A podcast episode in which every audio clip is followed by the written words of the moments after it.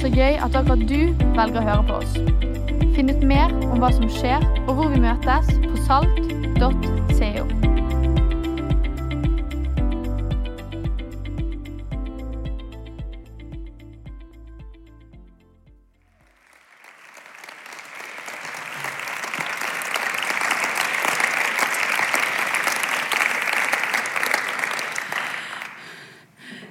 Takk, Øystein. Og så fint å få lov til å være her. Jeg føler liksom at jeg egentlig kjenner dere litt, for jeg har hørt så ekstremt mye om, om Salt Bergen. Eh, men jeg, jeg, kjenner jo ikke dere, liksom. Men jeg føler at jeg kjenner dere likevel. på en måte. Ja, Så det er veldig veldig stas å få være her. Så ser jeg jo sånn utover at det er også en, en del folk jeg kjenner, vil jeg si. Ja. Så jeg har hatt som studenter, så det er veldig, veldig hyggelig. Eh, som Øystein sa, eh, så har vi, vi har sittet på ekstremt mange styremøter sammen. Så når vi skulle spise middag i går kveld, så var det egentlig sånn at jeg bare tenkte at ja, jeg får ta opp sakslisten da, og begynne her liksom og spørre er det noe, har du noe eventuelt, Øystein. Tar du referat, eller? Men er, det var liksom ikke der i går, da. Men det har vært ekstremt mye planlegging. Men det som er så fantastisk nå, da, det er jo at høyskolen lever liksom livet litt uten oss. Vi er bak der, men de lever sitt liv uten oss, og det er vi veldig veldig glad for. at det vokser. Og så er det fantastisk å se filmen om salt og den historien dere skaper sammen her. Og hvordan Guds rike brer seg ut gjennom deres tjeneste. Så, og selv om jeg da ikke hører til den herre pinseleiren. Eh, så, eh, jeg kommer da fra baptistsammenhengen. Vi er ikke så egentlig så veldig opptatt av det, men det blir jo litt sånn synlig av og til. Men jeg føler likevel at det at jeg har vågd å bli menighetsplanter, eh, det handler nok om at jeg møtte noen veldig modige sånn pinsevenner på høyskolen. Som hvor det liksom ikke Kjør på, dette går bra. Og det gjør det jo, selv om det er jo spennende og krevende. Men tusen takk for at jeg får være her. Veldig veldig stas å få være i Bergen, og til og med sola skinner. og Jeg føler meg så ja, happy. ass. Veldig, veldig fint. Um, og så, når jeg skal få gleden av å preke, så kjenner jeg alltid på sånn nerv nervøsitet.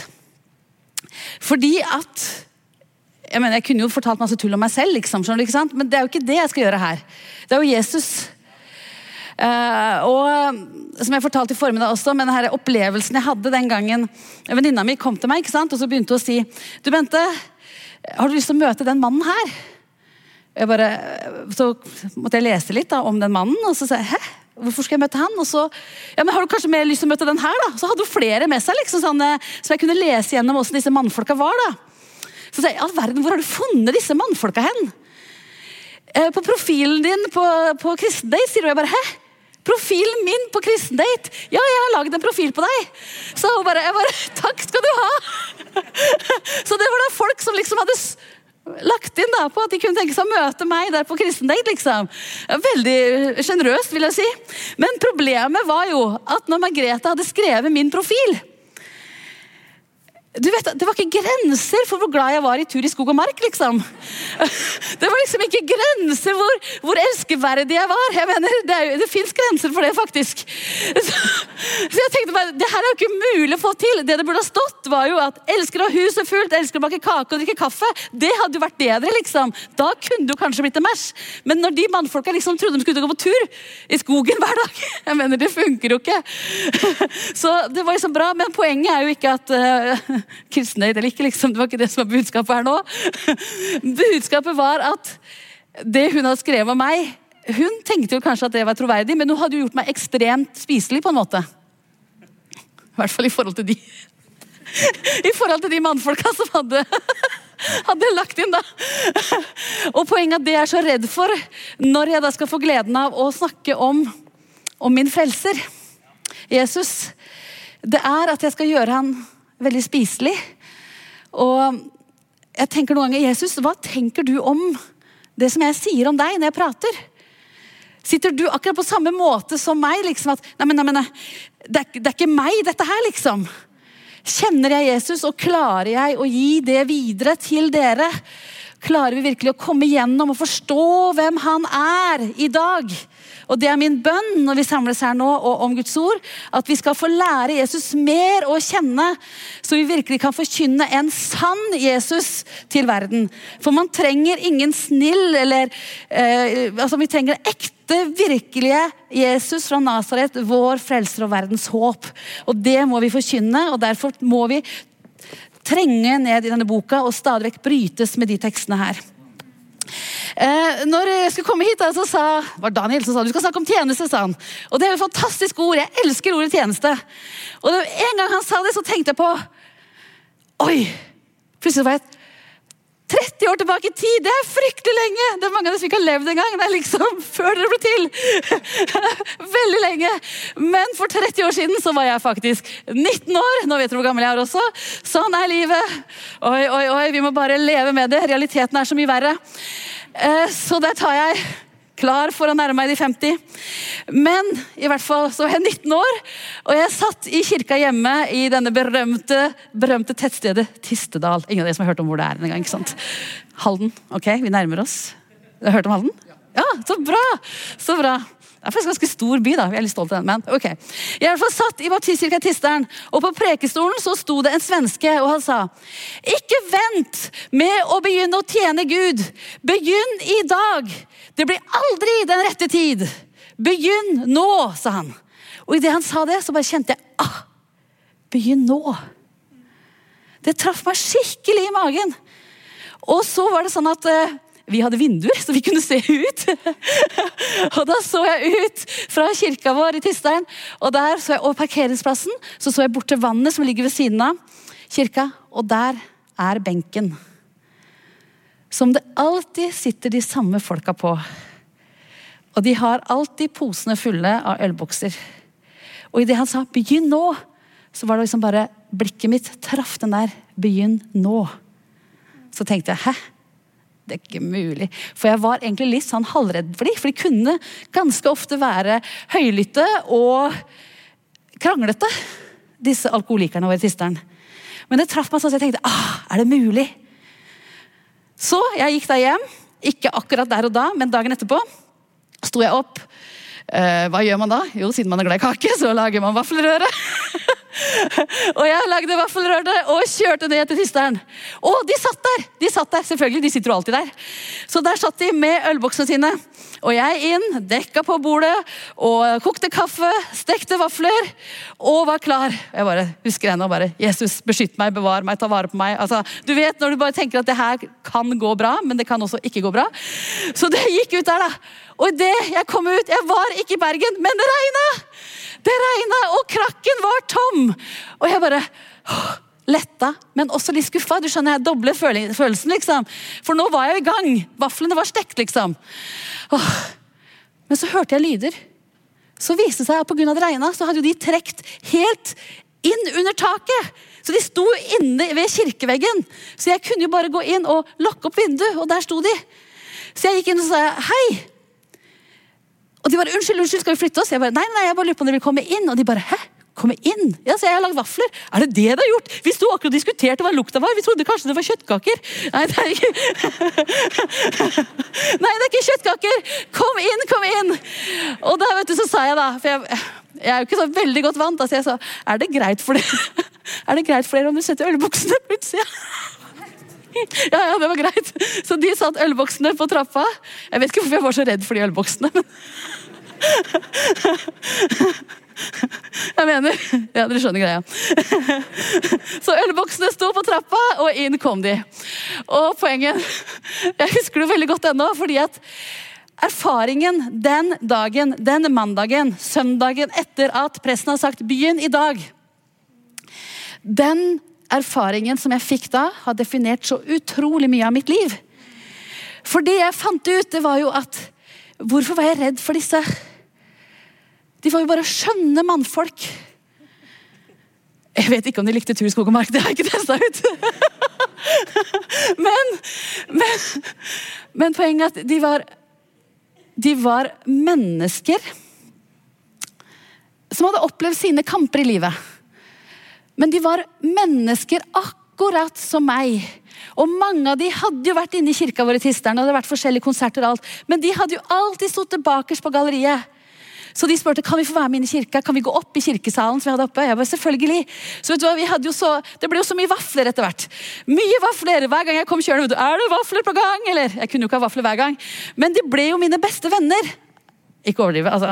Ja, dere skjønner. Vi ble gode venner.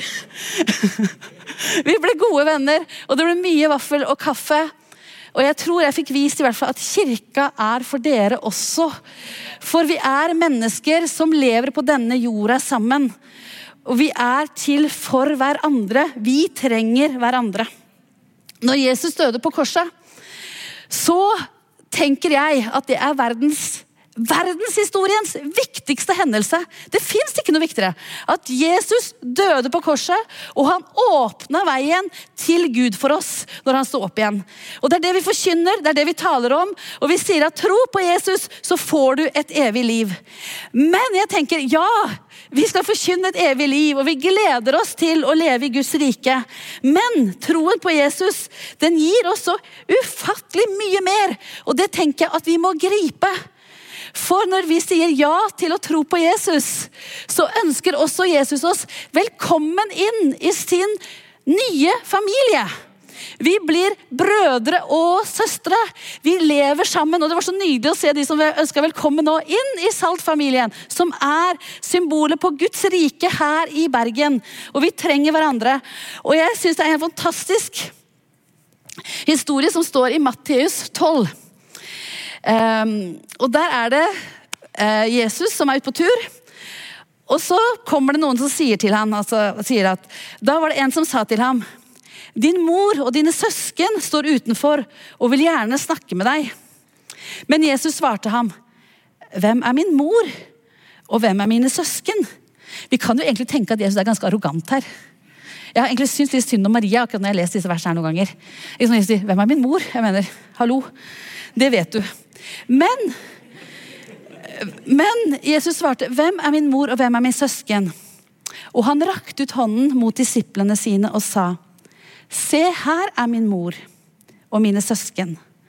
For den som gjør min himmelske fars vilje, er min bror, søster og mor.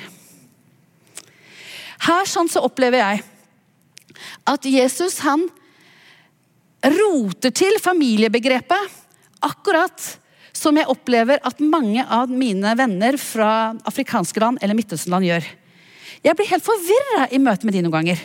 For de kan sitte og si at ja da, jeg har en søster og en bror, og så plutselig så kommer det noen som sier ja det er søstera mi. Å, er det den ene søstera? Nei, det er andre søstera. Ja, men du hadde jo bare én søster. Ja ja, men jeg har jo, jeg har jo flere søstre. Men du sa du hadde én søster. Hvordan kan du da si og så er det sånn tantebegrep. ikke sant? Det, det, er jo helt flytende. De, ja, men ikke sant? De kan si, For jeg, med min kultur, jeg vil jo prøve å få orden på dette. Så hun kommer og sier ja, dette er tanta mi. Å ja! Er det da, er det, det søstera til faren din? Nei, nei, nei! Det er, det er venninna til naboen min. Eh, men det, det, funker jo ikke! Jeg vil jo få det inn på et system liksom, hvor det er rekkefølge og ordning. Liksom, så vi har tanter og onkler. Det, vi er jo litt opptatt av det. så vi, liksom, Det handler om gaver og alt mulig. liksom. Vi skal liksom det, blir jo veldig dyrt. Ja, dere skjønner. Dere skjønner greia. Men de bryr seg ikke om det. Jeg, tror det jeg har funnet ut at den ene log, eneste logiske strukturen her på en måte, det er at de bryr seg om hverandre. Wow! De bryr seg om hverandre. Og plutselig, vet du, Jeg er liksom veldig stolt og siden jeg ikke har barn selv, så er jeg veldig stolt av disse tolv som jeg er tante til. Men jeg har funnet ut at jeg er ikke, jeg er ikke tante tolv. Jeg er jo tante til veldig mange. Og det, og det som er så vakkert, at den herre Jesus, Guds rike familien, den gjør at vi får en stor familie. Og her er det noe dere, som vi må catche, og som jeg brenner så sinnssykt for, hvis det er lov å si. Fordi at vi har så rett for å bli at ja, vi er jo familie. Og så blir det sånn at vi leker det litt. Men vet du hva? Jesus han tuller ikke når han sier 'se, her er de'. De som gjør min himmelske fars vilje. Vi er blitt én familie. Vi hører sammen. Vi er hverandres brødre og søstre. Og Paulus han er helt rå på det. Ta og Les gjennom Paulusbrevene når han beskriver. Han sier 'søsken, mine kjære søsken'. kjære søsken, Hele tiden! Vi er søsken for Paulus. Han adresserer det til som at vi hører sammen. Dere er min familie. Og han forventer at de er der til for han. Han forventer at de stiller opp. Han forventer at de viser omsorg, at de rettleder. er der. Paulus adresserer det hele veien. Og han sier, bær hverandres byrder. Sett de andre enn høye dere selv. Og så vet jeg at familiebegrepet For mange kan det være vanskelig å forholde seg til. For vi har opplevd at familie kan være komplisert. Til og med kirkefamilie kan være komplisert. Og det er så viktig at vi tar tak i og jobber med. Og kommer på en måte, eh, blir på en måte forsona med det. For vi mennesker vi kan feile i forhold til hverandre. Men det er så viktig at ikke det begrenser oss og sier nei, nei, jeg vil ikke ha med familie å gjøre. Jo, vet du hva? Du er ønska velkommen inn i Guds store familie. Og det trenger vi alle sammen. Og det trenger vi at det blir åpna opp for. Og jeg tror at vi som er Vi som har gleden av å leve av denne siden av verden, det er et privilegium. Men vi forstår ikke dybden i disse versene når vi snakker om å være hverandres brødre og søstre. For det at vi lever i verdens mest individualistiske samfunn, et av de, det er noen land rundt oss som konkurrerer, det preger hele vår tankegang og væremåte. Så vi forstår ikke hva det også gjør med oss. For vi er så vant til å tenke meg, mitt og mine. Men når vi er velkommen inn i Guds familie, så blir det et stort vi og oss. Og der trenger vi å lære av folk som kommer fra andre kulturer enn det vi er fra. For å bryte ned hvordan vi kan bygge fellesskap som holder på tvers av disse familiene. Ofte så møter man menigheter hvor det er sånn familier, familier, familier. Og så blir man stående der bare Hvor hører jeg til hen? Du hører til i denne familien, for vi er et vi. Og det må vi jobbe med, og det må vi hele veien bryte ned til. For det kommer i forhold til hvordan prioriterer vi? Hvordan bruker jeg tida mi? Hvordan bruker jeg pengene mine? Hvordan ser jeg på andre? Hvordan er jeg i forhold til hverandre? Hvordan snakker jeg med andre? Når de er hverandres søsken, så gjør det noe med måten vi er til å håndtere hverandre og viser omsorg for hverandre. Og der tenker jeg at vi som kirke, Når jeg møter mennesker i kirker som sier jo, jeg går i kirka, men Men. jeg var venn. Vet du hva? Kirke er ikke noe vi går til. Kirke er ikke en aktivitet vi krysser av på. Kirke er det fellesskapet som vi har fått for et privilegium. Fargerikt, mangfoldig og stort fellesskap. Og det som er så fantastisk er jo at Når vi også reiser rundt og treffer brødre og søstre andre steder, så merker vi det. Wow, vi har Jesus sammen! Vi tilhører hverandre. Og Det er utrolig viktig budskap i denne tiden hvor det er så utrolig mye ensomhet, depresjon, og folk opplever det at ja, men det er jo bare meg. Og så trenger vi å åpne opp for at nei, vet du hva? vi er et fellesskap som skal bære hverandre. Og det må vi hjelpe hverandre å modellere. Særlig vi som er ledere.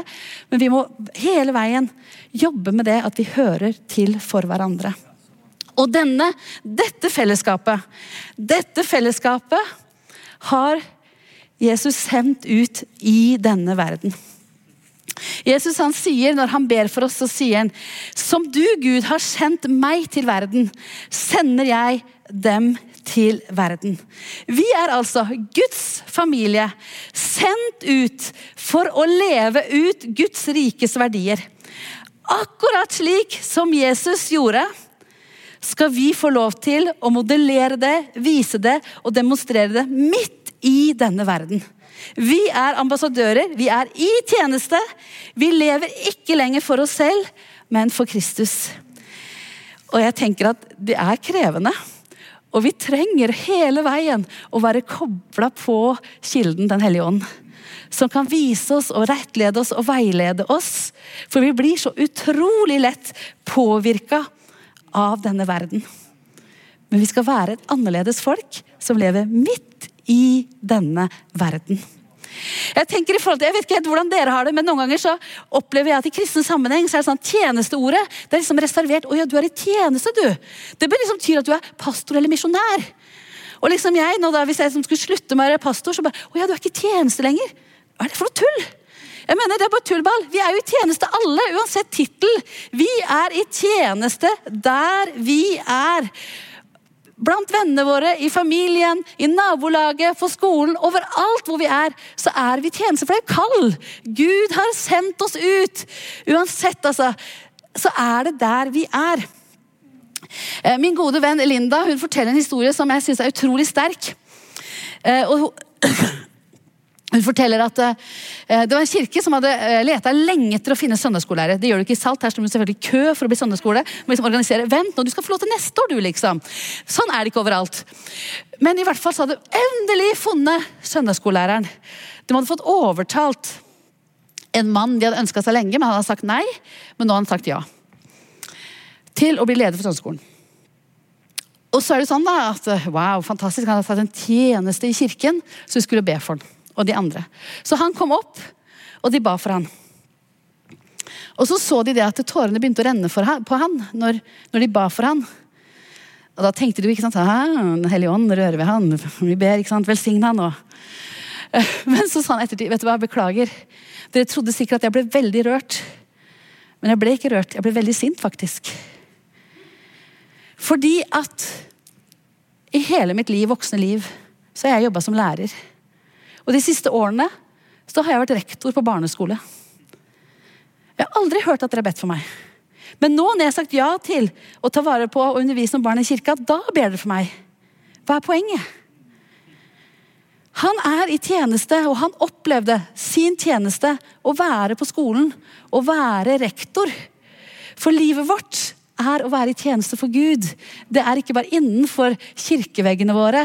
Tjenesten, Selvfølgelig er det viktig med tjeneste der også, men vi er sendt ut midt i verden til å leve med Guds rikes verdier midt i denne verden. Og der er vår tjeneste. Og så møtes vi og så inviterer vi inn. Kom og bli kjent med familien min. Kom og bli kjent med Jesus, som er det nye livet. Og det er så viktig at vi griper. Og så tenker jeg at i kirken så har vi alle forskjellige tjenester som vi er sendt til. Og Derfor er det så utrolig viktig at vi ikke sammenligner hverandre eller kopierer hverandre.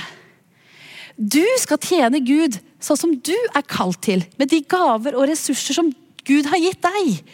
Ikke tenk på å, hadde jeg vært sånn eller hadde jeg vært sånn, da hadde det vært greit. Vet du hva, Det hadde ikke vært greit. For vi trenger mangfoldet. Så kopiering og sammenligning passer ikke inn i Guds rike, for han har skapt oss originale og unike for at du skal gjøre den tjenesten som han har kalt deg til å gjøre. Jeg vet at min tjeneste ser veldig annerledes ut enn mange av de på min alder. Hvorfor det? Jo, fordi at jeg bor aleine. Jeg, jeg har ikke fire barn eller barnebarn. Derfor ser min tjeneste annerledes ut. Og som jeg har sagt flere ganger, jeg, jeg lurte jo veldig på hvorfor jeg Jeg elsker å ha huset fullt av folk, men særlig etter å ha besøk familier, så kjente jeg at jeg var veldig sliten. Så tenkte jeg, hvorfor er jeg så sliten av disse familiene? Jo, jeg fant ut hvorfor. Jo, for jeg prøvde liksom å underholde dama og liksom vi lagde litt mat sammen. og sånn. Men så følte jeg jo liksom at jeg måtte passe på at disse mannfolka også hadde det bra. liksom. Og så vil jo jeg at når barna har vært hos tante Bente, så skal det være kjekkeste tiden som de har vært på. Så jeg skal jo leke med de også. ikke sant? Så liksom bare lage mat, snakke litt med mannfolka. Barn. Man blir ganske sliten av det. Hadde jeg liksom hatt en mann og barn, så kanskje vi kunne ha delegert litt. liksom. Kunne mannen ha tatt seg kanskje av liksom mannen og barna kan ha lekt med hverandre. og sånn. Ja, Men sånn funker det ikke, sant? Så jeg tenker ja, men det er helt greit at jeg er sliten etter å ha besøkt familier. For at jeg er meg. Og derfor er det mye lettere for meg. Jeg elsker å ha besøk av familier fortsatt. Men jeg bare vet at da er jeg sliten etterpå, og jeg må liksom planlegge det. Men jeg kan gjøre mange andre ting. Og vi må lede og tjene og være ut fra det Gud har gitt oss, og det livet vi har. Vi kan ikke sammenligne med hverandre. Noen sier til meg, noen venner sier Bente, tenker du at siden ikke jeg har huset fullt av folk og overnatting, sånn som du har, så, så er jeg en dårlig kristen. Jeg bare, hæ? Du må jo tjene ut fra det Gud har lagt på hjertet ditt. Det er det viktigste. At vi hele veien Gud, hva er det du har for meg? Og at vi har Guds rikes verdier som fundament. og sier ja, men For meg er det dette som er tjenesten. Og så må vi hjelpe, hjelpe hverandre og veilede og kanskje snakke om det. sammen. For vi har jo dette bakteppet ikke sant, av de første kristne som delte alt og levde alt felles. Ja, Hvordan gjør vi den tiden? Ja, men Det må vi finne ut av. hvordan vi gjør det. Og Vi må være i dialog med det og ikke dømme hverandre og heller ikke trykke oss selv ned. tenker jeg. Det er så utrolig viktig. Så står det i Johannes 13 fantastiske vers. som er, De er helt rå, så man liksom kan ikke begynne å touche borti de engang. Men det er da, når Jesus er sammen med disiplene den siste kvelden før de skal ut og han skal møte døden, så står det da han hadde vasket føttene deres og tatt på seg kappen, tok han pass, plass ved bordene igjen. Så sa han til dem, forstår dere hva jeg har gjort for dere? Dere kaller meg mester og herre, og dere gjør det med rette, for jeg er det. Når jeg som er Herren og Mesteren, har vasket deres føtter, da skylder også dere å vaske hverandres føtter. For jeg har gitt dere et forbilde. Slik jeg har gjort mot dere, skal dere gjøre. Wow. Dette er vanskelig for oss å forstå, for vi er ikke denne kulturen. Men Jesus han er jo en kultur her ikke sant? hvor tjenere og herrer hadde en helt spesiell posisjon. Men det som er så ufattelig sterkt å lese i forhold til denne teksten, er at Jesus han er så utrolig trygg på hvem han er og sin posisjon. For han sier at når, men, så, um, men så, så gjør jeg dette. Når jeg som er herre og mester gjør dette, så er han så trygg på at han vet at han er herre og mester. Men han gjør det ikke for å fremme seg sjøl. Han gjør det ikke fordi han er irritert for de andre. De burde jo ha gjort det, de andre. Han gjør det ikke derfor. Han gjør det for han vil tjene. Og så sier han, 'Jeg har vist dere et forbilde. Sånn skal dere også tjene hverandre.' Så den tryggheten Jesus har med at 'jeg er mester og herre', men jeg har ingen behov for å ta plass i den posisjonen.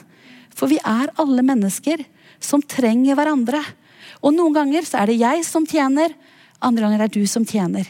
Men det er poenget er at vi trenger hverandre, og det ønsker Jesus å vise oss med denne. Vi tilhører hverandre, og vi har behov for hverandre.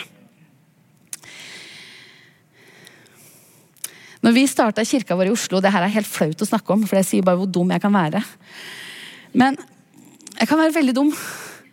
For da husker jeg jeg satt på Filippinene hos noen venner som driver hjelpearbeid. og så Jeg skal si det, jeg skal si det. Men det jeg sa da Det er så flaut. Jeg, jeg, jeg skulle nesten ønske at, hadde, at folka i Oslo hadde litt behov. At jeg liksom kunne gi dem litt mat og klær. og sånn. Det hadde vært så mye enklere. Tenk å si sånne dumme ting. Men poenget var at jeg prøvde liksom å finne ut hvem mennesker er det vi skal nå i Oslo. Altså, Hva er behovene, liksom? Og så syns jeg at ja, men, men i Oslo, Folk har jo alt, altså, og vi har jo sosialsystem som fungerer. Saken er jo faktisk at folk trenger mat og klær i Oslo også. Men det er veldig mange som tar seg av det. Men jeg var helt blind liksom, og tenkte bare Å, Gud, hvem er det du har kalt oss til å være for? Og så klarte jeg ikke å se det. Og så kom jeg hjem, og så åpna jeg en avis. Og så var det bare en tekst som slo mot meg, som gjorde at øynene mine bare og etter det så har jeg bare sett behov overalt.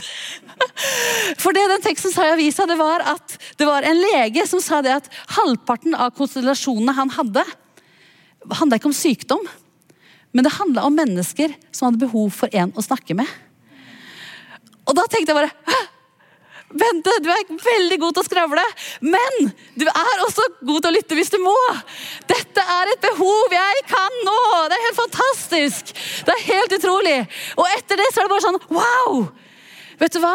Kanskje materialistiske ting er ikke det mest prekære i Oslo og i Norge, fordi vi har sosiale systemer. Men det er så ufattelig mange andre behov. Og der jeg har mulighet til å være, da, fantastiske stedet Oslo, Grønland. Det er jo helt nydelig sted. Andre syns det er skummelt, men det kommer an på øya som ser. Så er det så fantastisk mange skjønne, flotte mennesker, men med masse behov. Av mennesker som trenger noen å snakke med, som trenger veiledning, som trenger rettledning, som trenger å bli fortalt at du trenger ikke å være redd for barnevernet. Vi er her for å hjelpe deg. Ikke sant? De trenger å få, hele forstå det norske systemet. Og ikke minst så trenger de å bli hjulpet til å møtes på tvers av ulike For det er sånn pakistanere her, somaliere der, syrere der. ikke sant? Nei, vi trenger hverandre. Og det er jo det som vi som kirke er kalt til. Å kalle alle disse inn til et fellesskap hvor vi hører sammen. Og så er det sånn, ja, det er rett å si andres behov. Ja, Men hva med mine behov, da? Vi er jo mennesker som lever på denne verden sammen. Og poenget er at vi trenger hverandre. Noen ganger så er det de som er sterke, og jeg er svak. Og så er det motsatt. Vi trenger hverandre. Og det er derfor vi er kalt til å være i tjeneste og modellere dette fellesskapet hvor vi er der for hverandre. Jeg skal avslutte med Galaterne 9, 6 vers 9-10. Der står det La oss ikke bli trette mens vi, eh, mens vi gjør det gode. Når tiden er inne, skal vi høste, bare vi ikke gir opp. Så la oss gjøre godt mot alle så lenge det er tid. Og mest mot dem som er vår familie i troen. Litt utfordrende vers. Vi skal på en måte være mest snille eller oppmerksomme mot dem som er våre søsken i troen. Ja, for vi er søsken, faktisk. Og vi er Guds familie som skal leve midt i denne verden. Men vi er et fellesskap som trenger hverandre. Og det er viktig at vi ser og at vi modellerer Guds familie midt i denne verden. Men så var det en kamerat av meg som sa til meg nå, rett før sommeren så sa han, Bente, jeg skjønner, jeg skjønner ikke helt dette her sånn. For du hjelper de som du kaller søsknene dine, da, de som går i den kirka di. Men du, du hjelper jo de andre også. Hvorfor gidder du det? Og han tror ikke på Jesus. Så sa jeg til han, vet du hva, jeg er kanskje litt frimodig, men jeg tenker sånn, sa jeg, at alle de menneskene som bor rundt, som er på denne jordkloden, vi er søsken. Det er en far, en Gud, som har skapt alle, tror jeg. Men det er ikke alle som vil lære far å kjenne. Men jeg tenker at vi som kristne vi har et kall til å vise Guds kjærlighet til alle mennesker. Men så må de selv bestemme om de vil ta skrittet inn og være en del av Guds familie eller ikke. Men vi er kalt til å, akkurat som Jesus, å demonstrere Guds rike. Kjærlighet, godhet, veiledning, gi trøst og håp til alle mennesker. Vet du hva? Vi er så ufattelig heldige som får lov til å tjene Gud midt i denne verden. Være ambassadører for den levende Gud, som hjertet bare banker etter å nå alle mennesker. Og vise sin kraft og kjærlighet og sette mennesker i frihet og gjenopprettelse. Og når vi går ut, så går vi aldri aleine. Derfor vi kan møte mennesker som vi tenker er skumle. Vet du hva? De er bare mennesker. For vi er bare mennesker. Og Guds kjærlighet, den smelter hat, bitterhet, og gjør at mennesker ønsker å tilhøre og være en del av det fellesskapet. Skal vi be sammen? Takk, Jesus.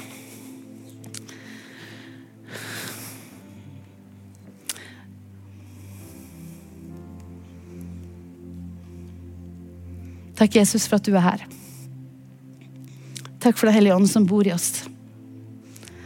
Jeg ønsker bare å si takk for alle de menneskene som sitter i denne salen, Herre. Du, du kjenner de, og du vet hvordan de har det. Du kjenner situasjonen deres, og du kjenner på lengsler og drømmer og håp. Hellige Ånd, jeg ber om at du skal tale nå. Og jeg ber Herre om at du skal vise noen noen mennesker som de skal få lov til å invitere inn, inn i din familie. Herre, takk for at vi ikke går alene, men vi kan få gå i din kraft og tjene. For det er du som har sendt oss, og vi får gå i ditt navn, Jesus. Herre, takk for det store privilegiet det er. Takk for gleden det er å kjenne deg, å være elska av deg og vite, Herre, at hver dag så får vi leve i din nåde. Herre, vi feiler. Og vi faller. Men du reiser oss opp igjen, og du sier, 'Kom igjen'. Din kjærlighet er konstant for oss.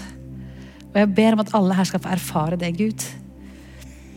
Og jeg ber om at de skal få erfare at der de går på skole, på arbeid, i sin familie, så er de sendt av deg. Til å forkynne gjennom ord og handling at du er verdens frelser og håp. Herre, ingen er som deg, Jesus. Ingen kan møte oss sånn som du kan. Og ingen har frelst oss og invitert oss inn til et liv sånn som du har, Jesus. Herre, hjelp oss til å se rikdommen. Hjelp oss til å forstå bredden og dybden av alt du har gitt oss, Herre. I Jesu navn jeg ber. Amen.